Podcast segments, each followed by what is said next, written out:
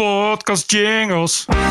This is the TPO podcast. Nederland kiest voor groepsimmuniteitsstrategie. Beheers de verspreiding onder groepen die het minste risico lopen. Dat is het scenario van onze keuze.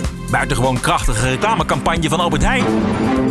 Het zijn weer hamsterweken bij Albert Heijn. En het moet nu echt, ook al bent u alleen op de weg. houdt u aan die 100 kilometer maximum op de weg. Aflevering 164. Ranting and Reason. Bert Bresson, Roderick Phalo. This is the award winning TPO podcast. Aflevering 164. Het is maandagavond 16 maart. Thuiswerken en op afstand houden van elkaar. Dat doen Bert en ik eigenlijk al jaren bij de TPO-podcast. Vinden wij heel normaal. Hij- eh, Bert, hier zijn de straten niet leeg, maar het is wel stil. Maar jij leeft onder de noodtoestand. Ja, hier, hier zit ze officieel in lockdown. Ja. Eh, ik uh, ik uh, ben überhaupt compound nog niet af geweest. Uit angst voor virus. Maar wat ik begrijp is dat je echt gewoon ook 2000 euro boete kunt krijgen. Ja. Als je, als je niet kunt aantonen waar je naartoe gaat. Dus je moet dan wel kunnen, kunnen zeggen dat je naar de apotheek gaat. Of naar de supermarkt. Of naar je werk. Je kan dus niet zomaar rondjes rijden naar buiten. Het is ook niet, je mag dan wel, ja, weet je, het is natuurlijk, je kan niet miljoenen, oh, hier zijn het er 800.000, maar in heel Spanje, je kan niet al die miljoenen Spanjaarden in het gereel houden. Dus, dus mensen moeten natuurlijk een hond uitlaten en weet ik veel wat. Maar de bedoeling is dat je echt zoveel mogelijk ook echt binnen blijft. En houden de Spanjaarden zich daar aan? Of is er echt leger en politie voor nodig om mensen hun huis weer in te jagen? Wat ik hier lees, ik heb het ook maar uit de media, is dat het er inderdaad echt uitgestorven is. Dus dat iedereen zich daar ook uh, netjes aan houdt. Uh, ja, ik denk een beetje hetzelfde als in Nederland. Ja. Uh, voor het eerst sinds de oliecrisis van 1973 heeft de Nederlandse, een Nederlandse premier het land weer toegesproken in crisistijd. En dat was vanavond premier Rutte natuurlijk. De realiteit is ook dat de komende tijd een groot deel van de Nederlandse bevolking met het virus besmet zal raken. Dat is wat de deskundigen ons nu vertellen. En wat ze ons ook zeggen, is dat we in afwachting van een vaccin of medicijn de verspreiding van het virus kunnen afremmen en tegelijkertijd gecontroleerd groepsimmuniteit op kunnen bouwen. Dat moet ik uitleggen. Wie het virus heeft gehad, is daarna meestal immuun. Net als vroeger met de mazelen. Hoe groter de groep die immuun is, hoe kleiner de kans voor het virus om over te springen op kwetsbare ouderen en mensen met een zwakke gezondheid. Met groepsimmuniteit bouw je als het ware een beschermende muur om hen heen. Dat is het principe. Maar we moeten ons wel realiseren dat het maanden of zelfs langer kan duren om groepsimmuniteit op te bouwen. En in die tijd moeten we mensen die een groter risico lopen zoveel mogelijk afschermen. Alles overziend zijn er drie mogelijke scenario's. Het eerste scenario is het virus maximaal controleren. Dat leidt tot een beheerste verspreiding onder groepen die het minste risico lopen. Dat is het scenario van onze keuze. Ja, en dit is niet onomstreden, Bert. Um, want in Italië wordt hier bijvoorbeeld niet voor gekozen. En in Spanje ook niet. En volgens mij in eh, China is daar ook niet voor gekozen. Um, want dit levert nog wel wat risico's op. Toevallig zat ik te luisteren naar Majid Nawaz op de Britse uh, talkradiozender LBC van het weekend. En hij sprak ook van dit idee. Dit is een Brits, Brits idee. Dus niet de lockdown, maar um, Ja. het, het alternatief. En dat noemen ze daar dan herd immunity strategy. Letterlijk vertaald dus groepsimmuniteitsstrategie. En die komt erop neer dus dat je de ouderen en de kwetsbaren, wat Rutte ook zegt, huisarrest geeft. Eh, zodat ze het virus niet kunnen oplopen. En de jongere, Ja. gezonde, sterke mensen laat je dus dat virus oplopen. Eh, zodat zij antistoffen kunnen kweken. Laten we even luisteren naar hoe Majid Nawaz dat uitlegde afgelopen zaterdag. Herd immunity doesn't mean infect the elderly and watch them die. It means let younger, healthier people get it, become immune from it so they can't pass it on to the more vulnerable. Uh, and this is what's called that magic number. It's called the RO number. Currently, people that have coronavirus are infecting, say, three other people. If I get it, recover from it, and no longer show symptoms from it, but am a carrier, then it's less likely I'm going to infect others because I'm not sneezing on them nor coughing on them. And that's because I'm younger and healthier, one hopes, than my parents. And the idea would be if enough people in society who are healthier get coronavirus and aren't showing symptoms by sneezing on others, then it's not being passed on to three other people. The minute that pass on rate, the RO number, goes to less than one, the virus will die before all of society has to get it anyway. The number you have to reach in society to get to that stage of herd, herd immunity, roughly 60% or so, the idea is how do you manage that? Of course, it's difficult. Of course, it's risky. But is this managed decline policy of making sure younger, healthier people like me carry it, recover from it, before the elderly get it, so that the virus dies because it's, it's got no one else to pass on to because only healthy people are out and about while the older, elder people are staying at home. Is that a wise strategy or is the lockdown strategy the best approach? Keep in mind the lockdown strategy also comes with great risks and you still can't stop the virus.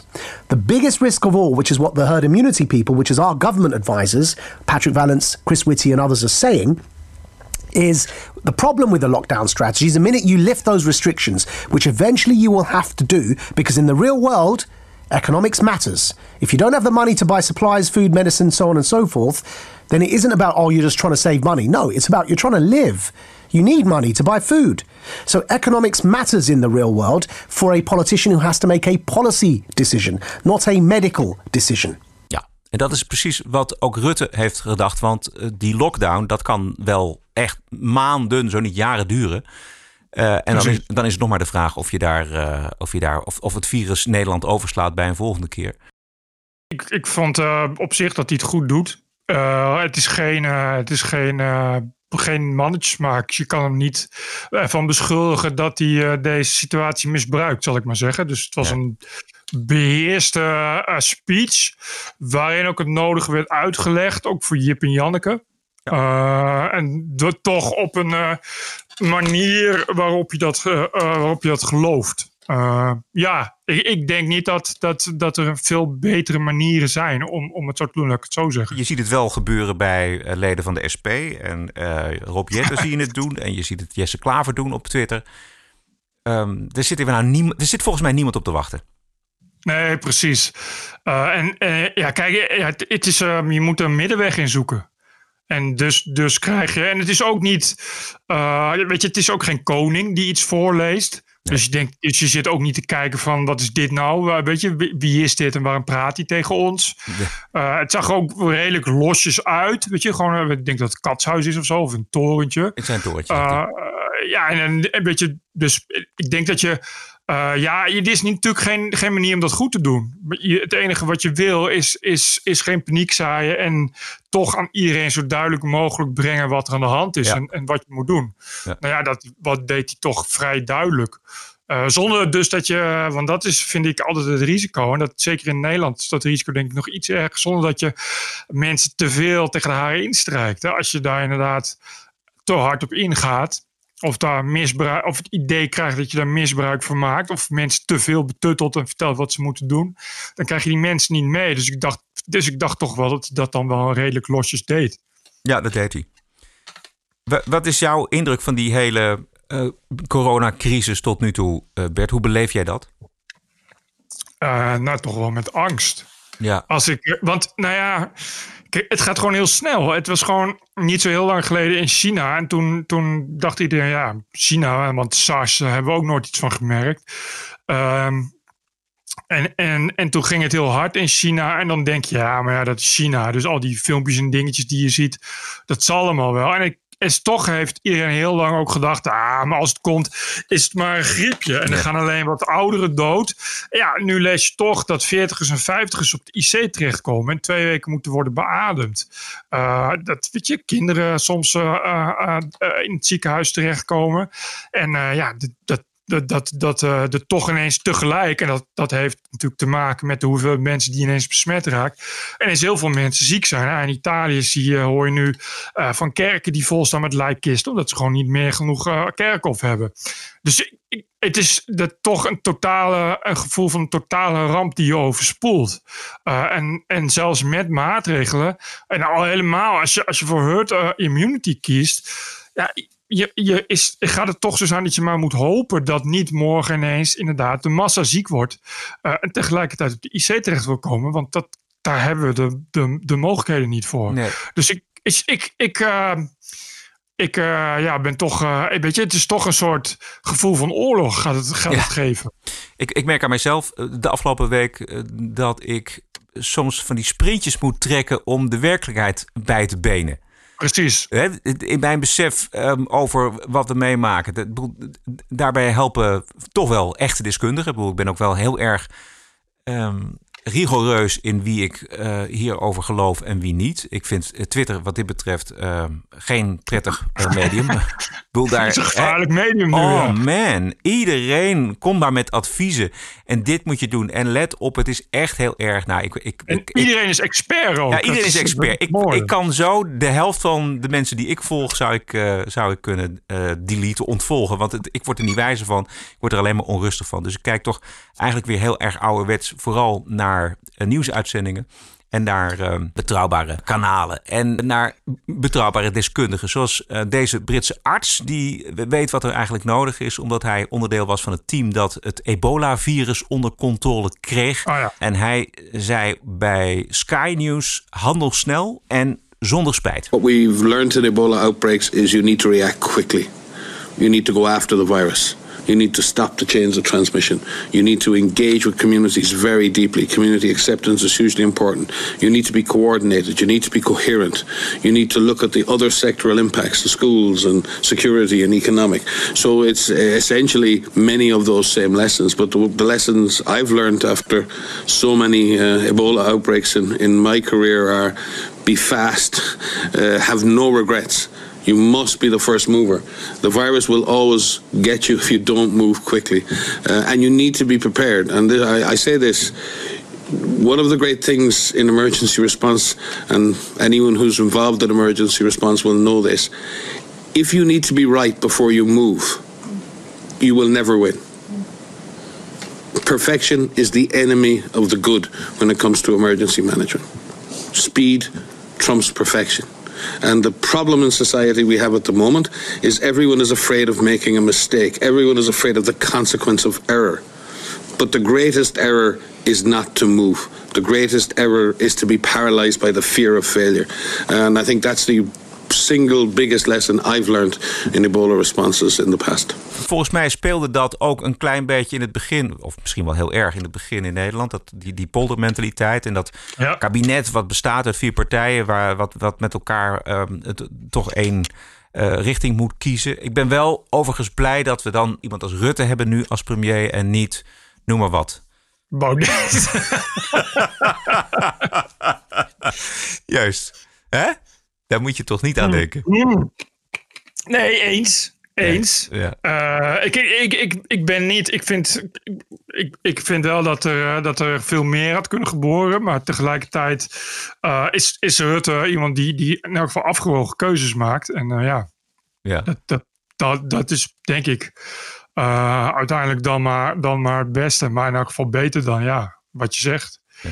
Dan iemand die heel onbesuisd. eh, beter dan Trump. Eh, ja, precies. Want die kwam maar nu niet verder dan Let's Pray. Dat Ja. is ik niet Ja. echt vertrouwenswekkend van Ja, een, eh, ja, een man die- in En eerlijk precies, gezegd. en die laat, zich wat, eh, die laat pas wat van zich horen over de ebola-crisis. Als de beurs op een ochtend eh, enig, enig herstel vertoont, dan eh, roept hij van... eh, kijk eens hoe hard eh, de beurs weer omhoog gaat. In, in Europa wordt nu gesproken, eh, morgen valt het besluit volgens mij, Europese Unie, om Ja. die hele Schengenzone af te grendelen. Dan ben ik nog benieuwd of daar ook die binnengrenzen bij horen. Dat vroeg me dus ook af. Is dat dan eh, dat je ook geen vrij verkeer binnen hebt of alleen de buitenkant? Ja, dat, dat- ik, ik- dat weet ik De Schengenzone. Maar Ja. volgens mij, want eh, we hebben natuurlijk al gewoon standaard buitengrenzen. Dus volgens mij als je met Schengenzone, dan impliceert dat eh, verkeer eh, onderling. Wat overigens al, al feitelijk zo is. Want zelfs Duitsland heeft nu grenzen al dicht gedaan. Ja, precies. Dus ik denk dat inderdaad dat dat het laatste het geval is.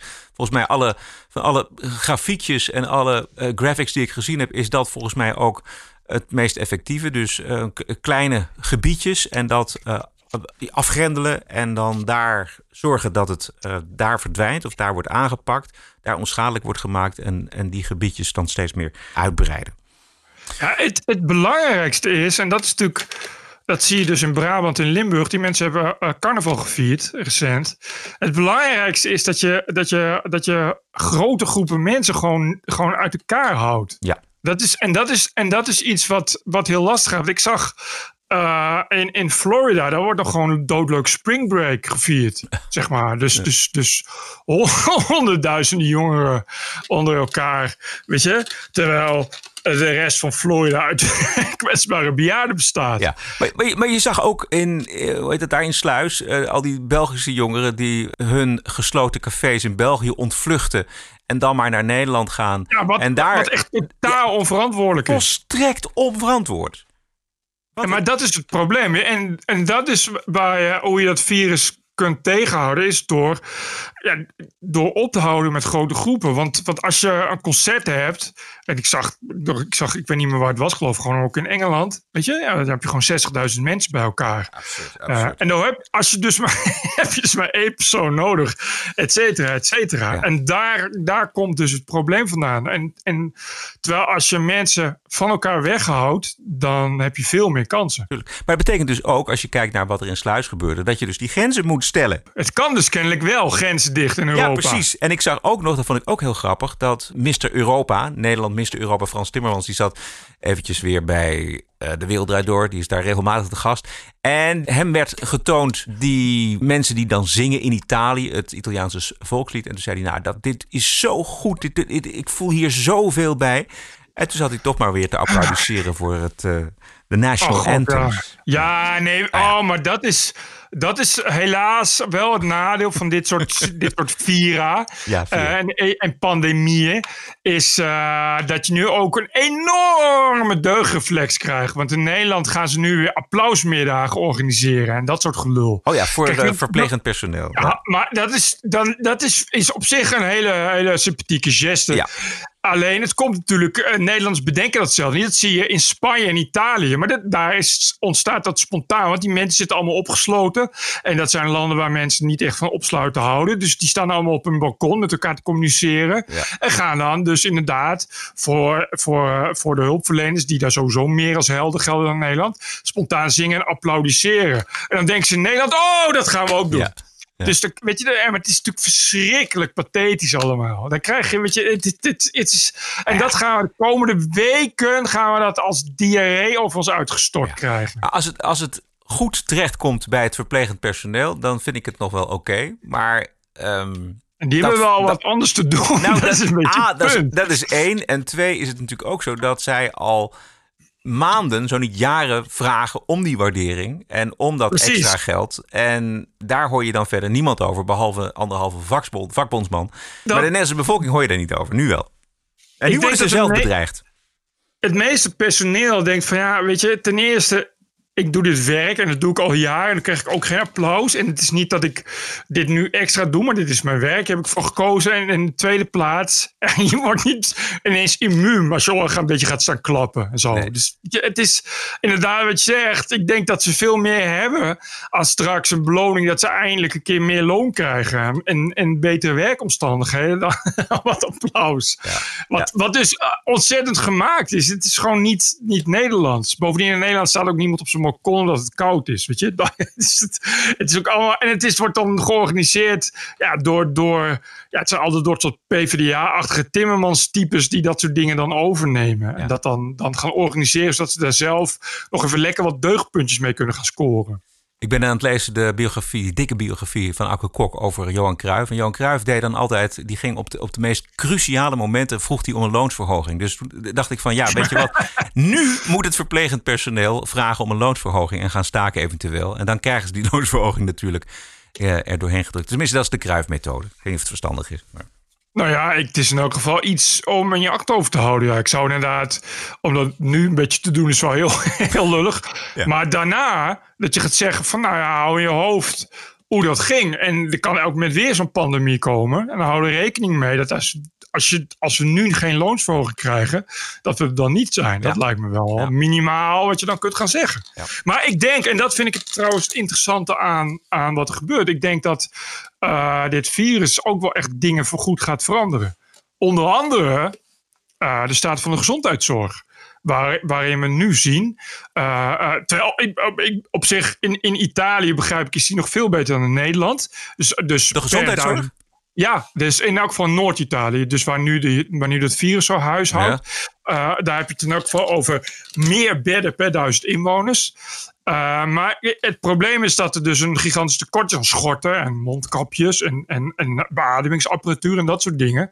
Uh, en dat is gewoon niet goed geanticipeerd. Terwijl er natuurlijk wel altijd deskundigen zijn die daarvoor waarschuwen van ja, let erop dat als er een, een, grote ramp gebeurt die we niet kunnen controleren, meer dan een, meer dan een, dan een groot ongeluk, zeg maar meer dan een kettingbotsing, dat we daar niet op, op geanticipeerd hebben. En dat gaat waarschijnlijk in de toekomst veranderen. Dat is iets wat we hiervan leren, omdat uh, het gaat in uh, Taiwan en, en Hongkong en, en Aziatisch gebied heel erg goed.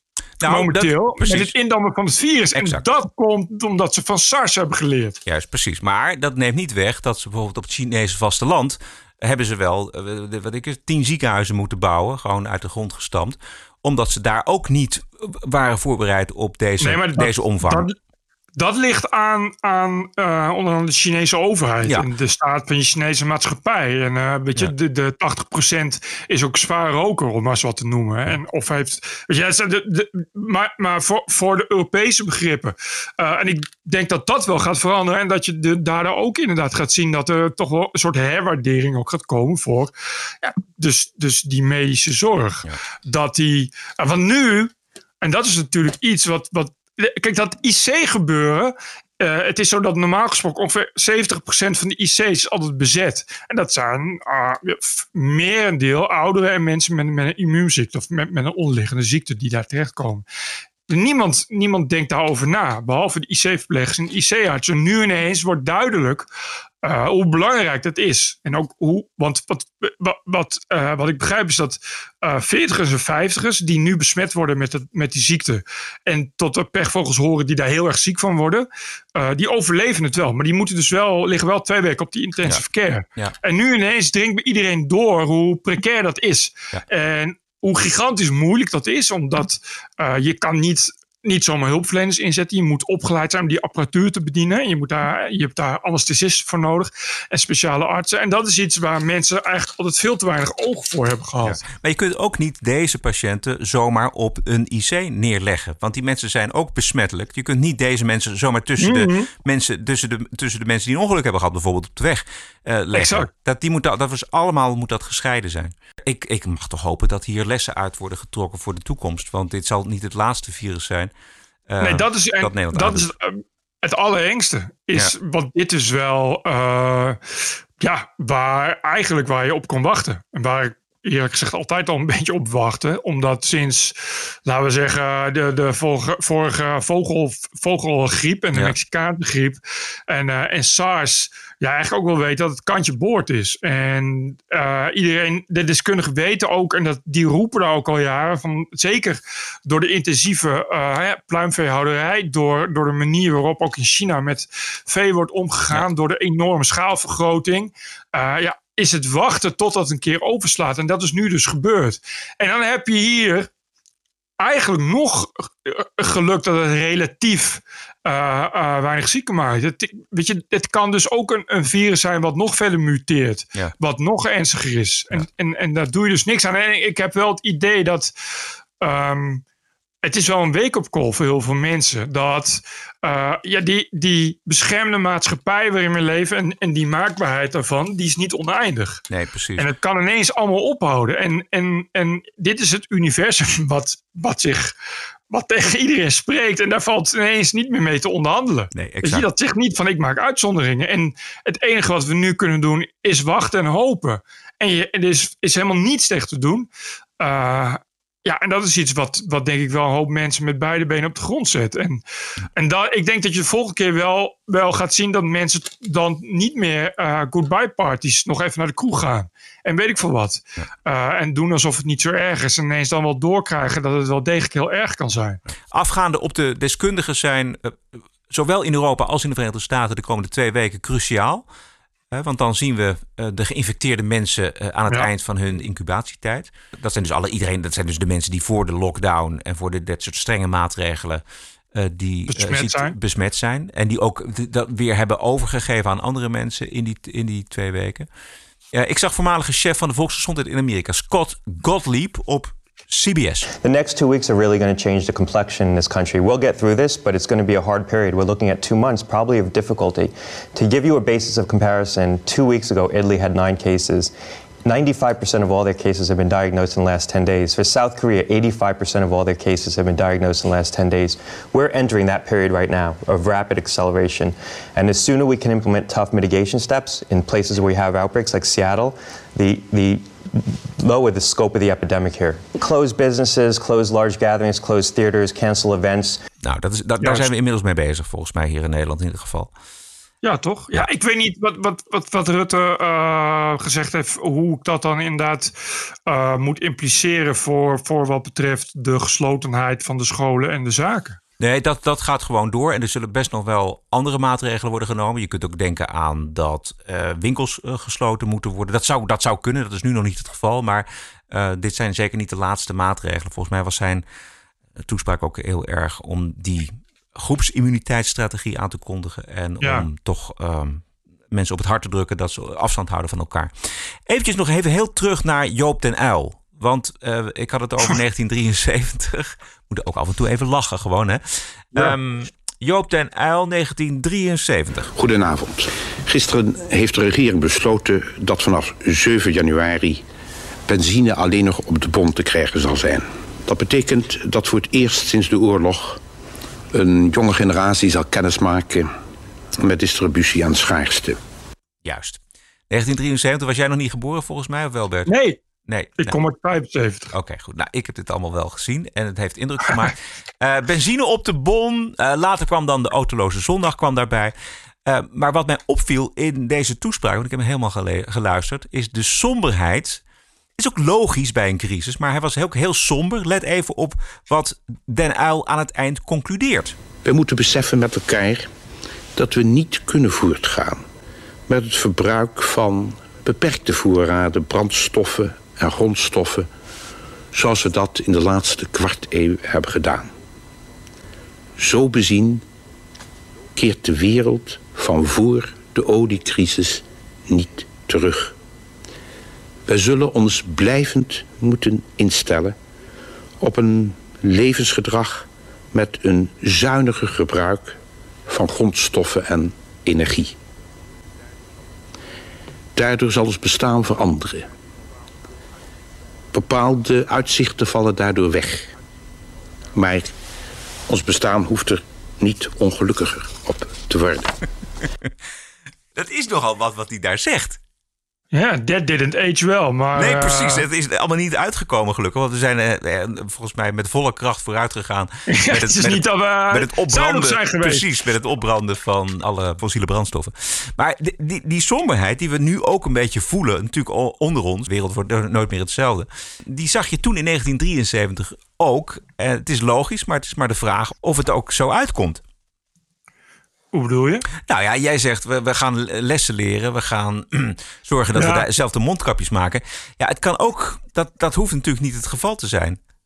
Nee, het, het, eh, het kan nou eigenlijk nog erger worden. Je, je hoort het hier. Bedoel, in 1973 dus al eh, dat, dat, dat al wordt gezegd, we moeten zuiniger ermee omgaan. Ja. Want, ja, want anders komt er op een dag crisis. Nou, je kan niet zeggen dat, sin- dat sinds die tijd eh, we zuinig zijn omgegaan. En daar kwam de crisis in de vorm van klimaatopwarming. Maar crisis is crisis. Ja. Eh, dus een beetje, je, het zou eh, even goed me ook niet verbazen als het inderdaad. eh, dit is wel, wat is het, 70? De- de- de- over 50 jaar. alsnog een nog grotere crisis is. Dat er inderdaad een, een virus uitbreekt. eh, waar nog veel minder weerstand tegen is. Omdat we juist lekker zijn doorgegaan. Met niet rekening houden met dingen.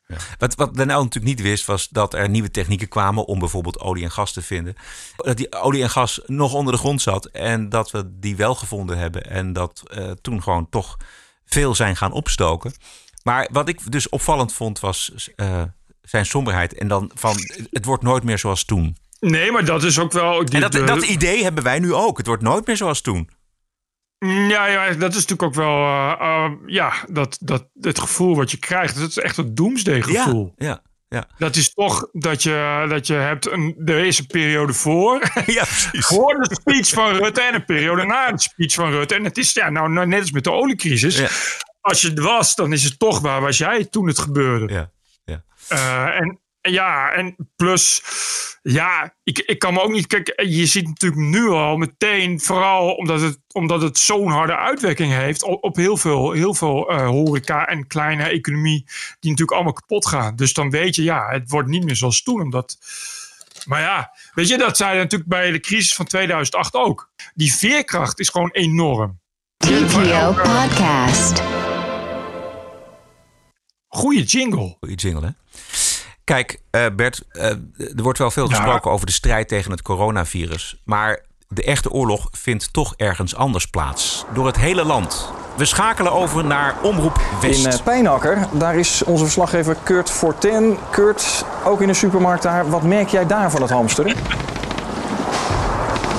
Ja, Menno, de beelden inderdaad van lege schappen is hier ook in de Supermarkt Plus in Pijnakker ehm, te vinden. Vooral de broodafdeling is, eh, is leeg.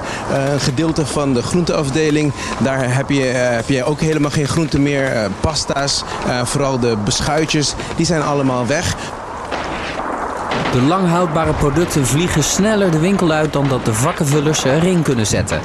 Maar splitterwten mee en eh linzen. We maken maar gewoon lekker veel soep. En ik ben gewoon van plan om de komende tijd geen boodschappen meer te doen. Dat we hier niet meer hoeven te komen. Ja. En van Omroep West gaan we naar Omroep Gelderland. Onze verslaggever Annemieke Schakelaar is op dit moment in een supermarkt in Wissen, Winsen bij Beuningen. Eh Annemieke, zijn, oh, ik zie al eh, dat de schappen inderdaad achter jou ook redelijk leeg beginnen te raken. Klopt dat? Het toiletpapier, Linda, dat is heel populair blijkbaar. En we krijgen uit heel Gelderland dezelfde signalen. Ik ben bij meerdere supermarkten geweest, maar ook bij bakkers bijvoorbeeld. En overal, overal slaan mensen toch aan het eh, hamsteren. Naast mij staat bedrijfsleider Emiel Lamers van deze supermarkt. Ja, dat kwam gisteren eigenlijk al op gang, hè? Ja, vooral na de persconferentie kwamen de mensen massaal naar onze winkel toe.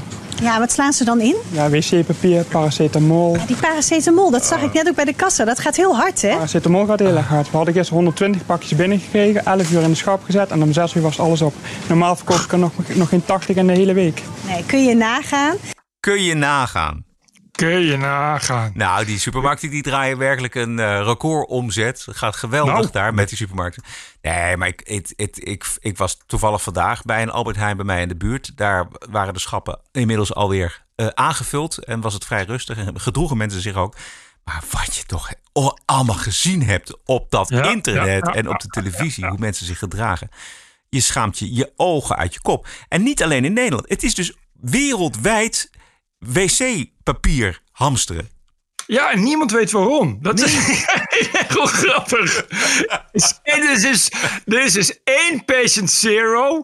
Die is begonnen eh, met heel veel wc-papier inladen. En toen is de rest dat gaan nadoen. En sinds die tijd heeft, doet iedereen dat. Ik ook, overigens. Ik Oh, heb ja? ook wc-papier gehad. Ik weet niet waarom. Nou, vertel dan waarom. Ja, eh, ja ik, heb, ik, wa, ik was ook eigenlijk onbewust aangestoken. Ik dacht, ja, dat, dat zou wel nuttig zijn. Want ik dacht van ja, want eh, als ik eh weken in lockdown moet... en ik, stel, dat, stel dat de supermarkten niet worden aangevuld... dan moet ik toch kunnen schijten. Ja, ja. Dus, ja. Maar en achteraf dacht ik van ja... Ik, ik weet eigenlijk helemaal niet waarom ik wc-papier koop. Maar dat, zo werkt het volgens mij. Dat mensen, zien, mensen, mensen zien dat er iets leeg raakt. Dus dat andere mensen het blijkbaar belangrijk vinden om Ja. een bepaald product te hebben. En dan gaan andere mensen dat nadoen. Wat een, eh, dit, ja, dat is kuddegedrag. Terwijl, ja, ik, ik, terwijl, ja, dat is helemaal niet. Ik bedoel, bij levensmiddelen snap je dat. Dat je heel veel levensmiddelen in huis wil hebben. En wat wc-papier is ook maar. Ja, om dan voor drie jaar aan wc-papier Ja. is misschien wat veel van te groeien. Het heeft denk ik wel, eh, wc-papier misschien ook wel iets met, met, met ziekte te maken. Dat je denkt van ja, ik moet, moet dan vaak aan de diarree en zo. En ja, dat zijn dingen die, die gewoon snel op zijn. Ik denk dat dat bij mij, ik praat, ik, want ik ben nu slachtoffer van wc-papierhamsteraars. Ik, ik, ik, ik Maar ben je bent er zelf één. Ja, de- omdat ik ben aangestoken door, Oh, door dus zo. andere Ja. aan de hamsteraars. Ja. Dus, dus, dus eh, nee, en, eh, ik weet het niet. Het is toch, ik weet niet. Ik vond wc-papier gewoon, gewoon sprak gewoon tot de verbeelding. Kijk, ik, ik, ik kan me nog wel voorstellen dat je blikvoer gaat kopen. En dat, kijk, als je nou de verantwoordelijkheid hebt over een heel gezin, dan kan ik me iets voorstellen dat je denkt van nou, weet je, stel dat ik het krijg of dat mijn familie het krijgt, dan moeten we binnen blijven en dan in quarantaine. Ja, dat, die mensen moeten eten, mijn kinderen moeten eten. En ik zelf ook trouwens. Dus daar, daar kan ik me iets voorstellen bij blikvoer. Maar Nou ja, al dat andere, dat begrijp ik niet. Nee, ik heb ook andere dingen. Ik ben sowieso een prepper. Dus ik had maanden geleden al alles in huis. Toen het in China begon. Dus ja, ja. Ja, maar maar je- ik, eh, ik heb hier ook... En ik kan... Ik heb een moestuin en zo en alles. En een, en een, eh, en een buitenoven. Maar En Bert, Bert, is dat angsthazerij of wat is dat? Ik weet het niet. Ik, ik weet niet wat er gaat gebeuren. En bovendien, ik, ik, ik, ben, eh, ik ben sowieso een beetje hypochondrisch. Dus ik, ik blijf liever zoveel mogelijk thuis. Dus, dus als ik dan heel lang eh, mezelf in leven kan houden... dan vind ik dat sowieso al eh, eh, ideaal. Dat, dat, dat, dat, dat, je bent prep of je bent het niet. Dat is toch het idee dat je... Kijk, je moet afhankelijk... Kijk, dat is het punt. Dan, dan moet je gaan vertrouwen. En dat, dat is op zeker, tot op zekere hoogte vertrouw ik ook wel... dat die distributie en de bevoorrading doorgaat. Maar ja, als, als de distributeurs ook ziek worden... ja, dan is het dus geen bevoorrading. Ja. Ja. Dus en, ja. en jouw eerst, of jouw dichtstbijzijnde supermarkt is hoe lang rijden? Nou ja, dat valt wel mee. Dat is 20 minuten of zo. Maar Laten we nog eventjes kijken naar Amsterdam, AT5. Krankzinnig. De meeste vakken zijn leeg en de mensen vechten om een brood of wc-papier is er ook niet meer. Het is zo druk. Het lijkt wel of men. Of, als, wat zou er gebeuren als er echt oorlog uitbreekt? Ook in de Jumbo in Gein is het een stuk drukker dan normaal. Er staat net ruzie te maken. Er is iemand die neemt gewoon alle wc-papier mee. Gewoon 16 pakken met rollen. Dat is ook het enige waar, waar iemand mee naar buiten komt. Ik vind het complete hysterie. Heeft u zelf gehamsterd net? U had best wel wat. Ik heb toevallig een feestje morgen. Wij hamsteren niet. Er is geen tekort, er zijn voldoende voorraden. Mensen moeten wel een beetje normaal blijven doen. Nou, ik erger me er enorm aan. Ja, ja. Jij heeft helemaal gelijk. Ehm, ja, terwijl, terwijl Albert Heijn het heeft toch eigenlijk allemaal zelf uitgelokt. Het zijn weer hamsterweken bij Albert Heijn. En die worden deze keer feestelijk geopend door een bekende hamster. Op dit moment is er genoeg in onze winkels aanwezig. Grootse korting, groots inslaan. Ja. Ja, ik denk bovendien dat Albert Heijn het ook niet erg vindt. Ik bedoel, eh, het eh, loopt, eh, geld loopt wel zo wel lekker binnen ook meteen. In Amerika waren er allemaal televisieploegen die dan bij die supermarkten staan. En er was ook iemand die zei van het hamsteren en dat gedrag van die mensen. Dat komt door jullie. Okay, now there's somebody who is being number. We'll talk to you guys a little bit later. Ja, dit is de verslaggever. It's your fault that people are freaking out here. It's your fault. Your editors. Thank you. Scum, scum of the earth. Scum of the earth. Juist. Ja. Ehm, Zo is dat. Zo is dat. Nou, volgens mij, het, het, viel, het viel mij reuze mee dat het zo rustig was in die Albert Heijn. En het, misschien is het een eerste woede. En raken mensen ook vertrouwd op het moment dat ze zien dat die schappen steeds worden Ja. aangevuld. En ze denken, oké, het is eigenlijk niet nodig.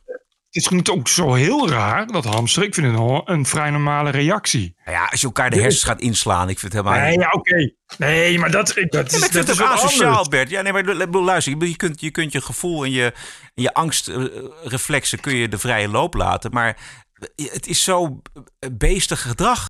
Ja, een, een primaire reactie die in de mens zit. Ja, maar Zeker dit- maar als dit- je ja, maar dit- hebt, ja, kinderen. Ja, maar ik vind het ook. Ik, we, gaan we meteen terug naar een soort eh, prehistorie? Zijn we meteen weer eh, eh, dieren? Nou ja, maar dat... Ja, ja. Ja, ja, blijkbaar wel, ja. Ja, Ja. heel, eh, maar dat, is, dat zit toch wel diep in de mens. Ja, Eh, ja, maar er zit wel meer diep in de mensen wat, wat niet mooi is. En wat je gewoon. We hebben ook hersenen Nee. gekregen. We hebben ook cultuur gekregen. Oh, en, en, maar waar, waar- kijk- en we hebben ook zelfbeheersing gekregen. Zeker, maar kijk, dat, dat, dat valt dus weg in tijden van crisis. Dat is natuurlijk altijd zo.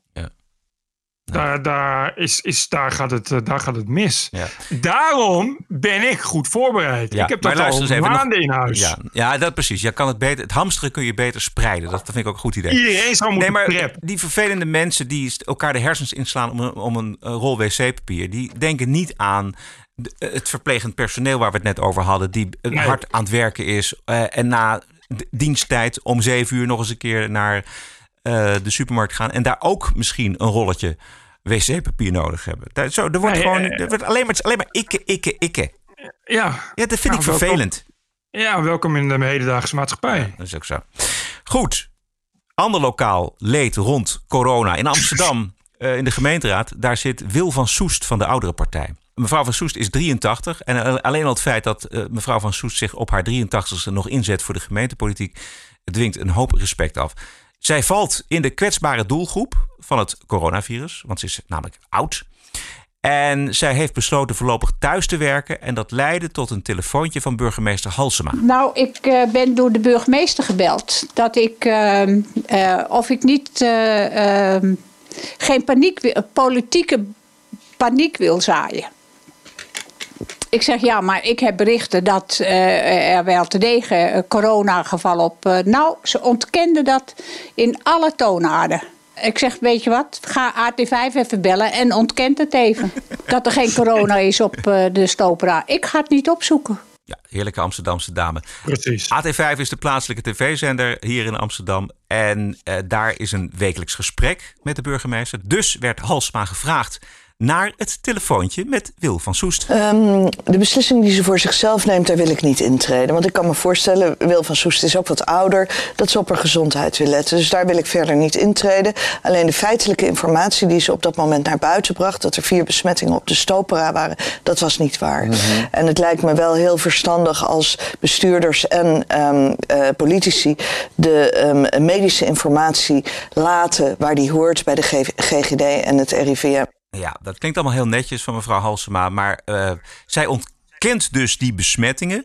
Maar dat is niet helemaal terecht. Maar er waren wel vier besmettingen in de gemeentelijke organisatie. En dat zouden ook Ja, mensen kunnen mensen- zijn die op de Stopera werken natuurlijk. Maar die mensen waren thuis, in thuisisolatie. Ja, maar zijn en die wel op de waren, Stopera die waren absoluut niet op de Stopera. Nee, vier mensen van de gemeente. Precies vanaf het moment dat ze besmet raakten in quarantaine gezet. Sure. Ik- sowieso, je, een burgemeester die raadsleden thuis gaat bellen, boos gaat bellen, dat kan echt niet. Nee. En ik weet dat het waar is. En ik weet dat eh, La Halsema eh erom bekend staat. Die heeft dit vaker gedaan en doet het ook Oh ja? vaker. Ja, daar eh, weet ik wel wat anekdotes over. Die ik nu niet ga vertellen omdat het anekdotes zijn. Maar dit is iemand die zichzelf soms iets te groot voelt voor eh, eh, waarin het kader waarin ze zit. Eh, la- laat ik zeggen dat ik daar zelf ook wel eens last van heb gehad.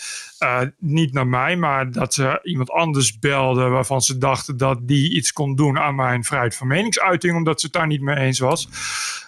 Maar goed, ik, maar dit kan gewoon niet. Je kan niet, de burgemeester kan dat gewoon niet doen. Dat is, dat is echt niet oké. Vo- vooral omdat ze onjuiste informatie verstrekt. Ze Zij maakt zelf iets politieks.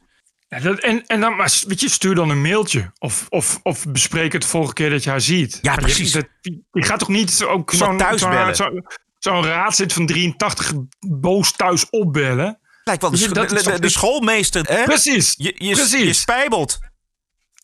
Exact. Dat je, dat je bang moet zijn dat de burgemeester je dat, dat kan gewoon niet. Nee, dat vind ik ook. Weet je, de mens is gewoon niet goed wijs.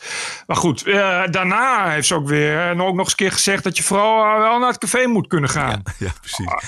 Ja, en, Wel en- eh, net iedereen eh, in, uit Italië zei van eh, er moet er nu echt iets gebeuren. Dan komt Halsma nog even vertellen. "Huh, ja, het is zo niet Amsterdams. Ja. Moet dan wel nog lekker een biertje kunnen drinken in het café. Goed idee Halsema. nou, twee Thanks dagen- for spreading the virus. Twee dagen later was het eh, afgelopen en uit. We gaan eh, waarderen en doneren, Bert. Zullen we dat doen? TPO Podcast. Eh, de TPO podcast pubquiz is afgelopen vrijdag niet doorgegaan. We hebben met eh, Jeroen en Maarten eh, woensdag de koppen bij elkaar gestoken en gezegd: nee, dat risico dat, gaan we gewoon niet nemen. Eh, daarna werden de regels alleen maar aangescherpt, dus we hadden het goed besluit genomen. En nu wachten we tot het virus is kapot gemaakt, of het tenminste onder controle is. Wij dachten eerst nog aan mei, maar dat is misschien toch al te vroeg nog. En iedereen die betaald heeft, die behoudt zijn toegang. Eh, We hebben de hele lijst met namen en e-mails. Dus eh, zij horen als eerste als wij een nieuwe veilige datum hebben gevonden. En nu is mijn vraag aan Bert of er nog mensen hebben gereageerd op onze vorige eh, podcast, nummer 163. Eentje. Nou, het schiet wel op, zeg hé. Eén, eh, één mailtje, maar misschien heeft de rest corona. Of was er geschokt dat het pubquiz niet doorging. Ja, dat kan ook. Ja. En bovendien, eh, je moet er dan ook maar weer eh, een mailtje voor tikken. Eh, dit is van eh, Rob Marcus. Beste Roderick en Bert.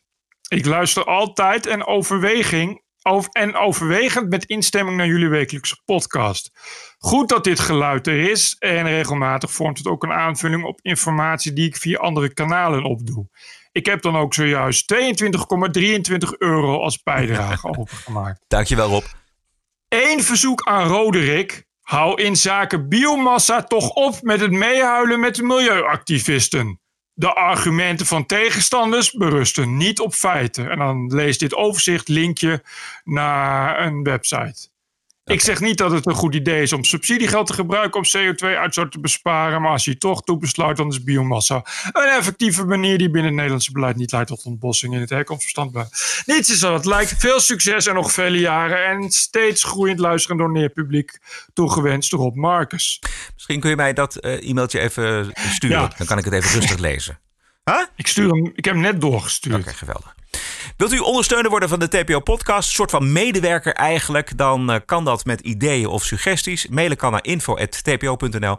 En financiële ondersteuning stellen wij op hoge prijs. Waarderen en doneren kan op tpo.nl slash podcast. This is us. This is our country.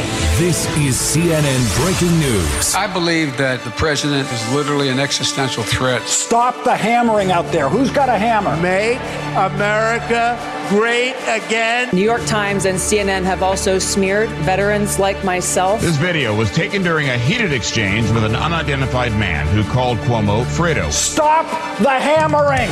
This is the TPO podcast. News 630 WMAL, Washington. Verkiezingen die zijn pas in november, dat weten we. Maar dan is het wel eh, de bedoeling dat dat eh, coronavirus klaar is. Eh, nu zijn de grote bijeenkomsten van Biden, Sanders en van Trump uit den boze vanwege dat coronavirus. Eh, dus er gaat heel veel online. Eh, zo ook Joe Biden. Eh, maar er gaat eigenlijk altijd van alles technisch mis bij het optreden van Joe Biden. Los van of die zelf nog te volgen is. Een beetje een fatsoenlijke Skype-verbinding moet je toch kunnen regelen. Niet bij Joe Biden. I'm sorry for the technical difficulty folks on the line. Ja, dit, ja, zo klinkt dat dus. We are going to take a question right now uh, from uh, Deanna Payne. Deanna, you are unmuted. Am I on camera? Oh, okay. Well, one of my questions was as far as uh, uh, Joe Biden is concerned, what exactly will he do to accommodate those of us who are Bernie Sanders uh, supporters? If we're going to turn from Bernie him, uh, what is he going to do to satisfy us? Live? Het is echt. Het is, het is zo, het is zo erg.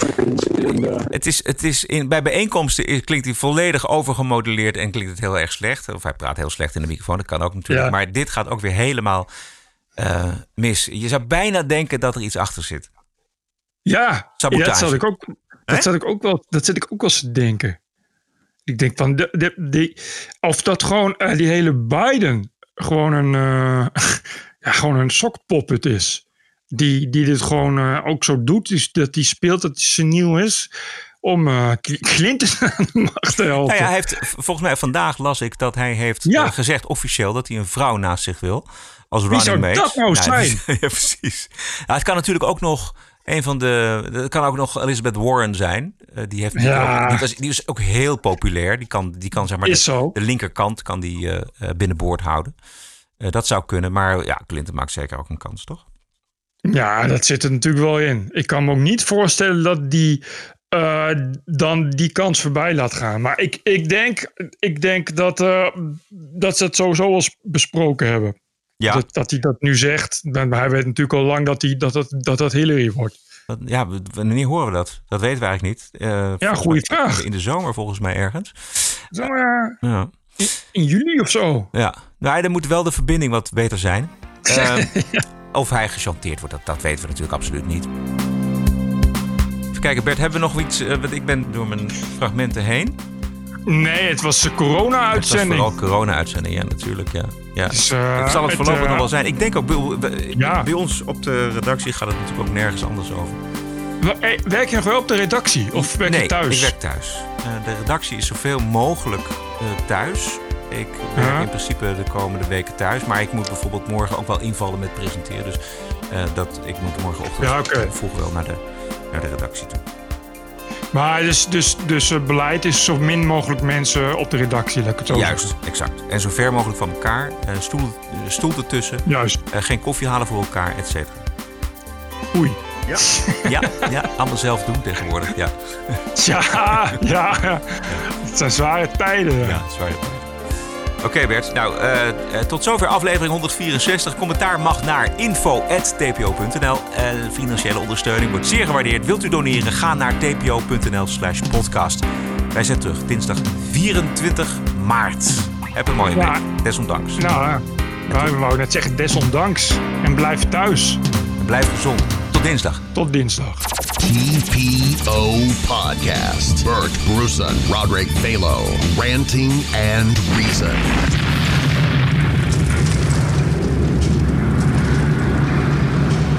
Ja, ik zie heel veel mensen die, eh, die echt moeite hebben met het feit dat ze eh, nu twee weken thuis moeten blijven.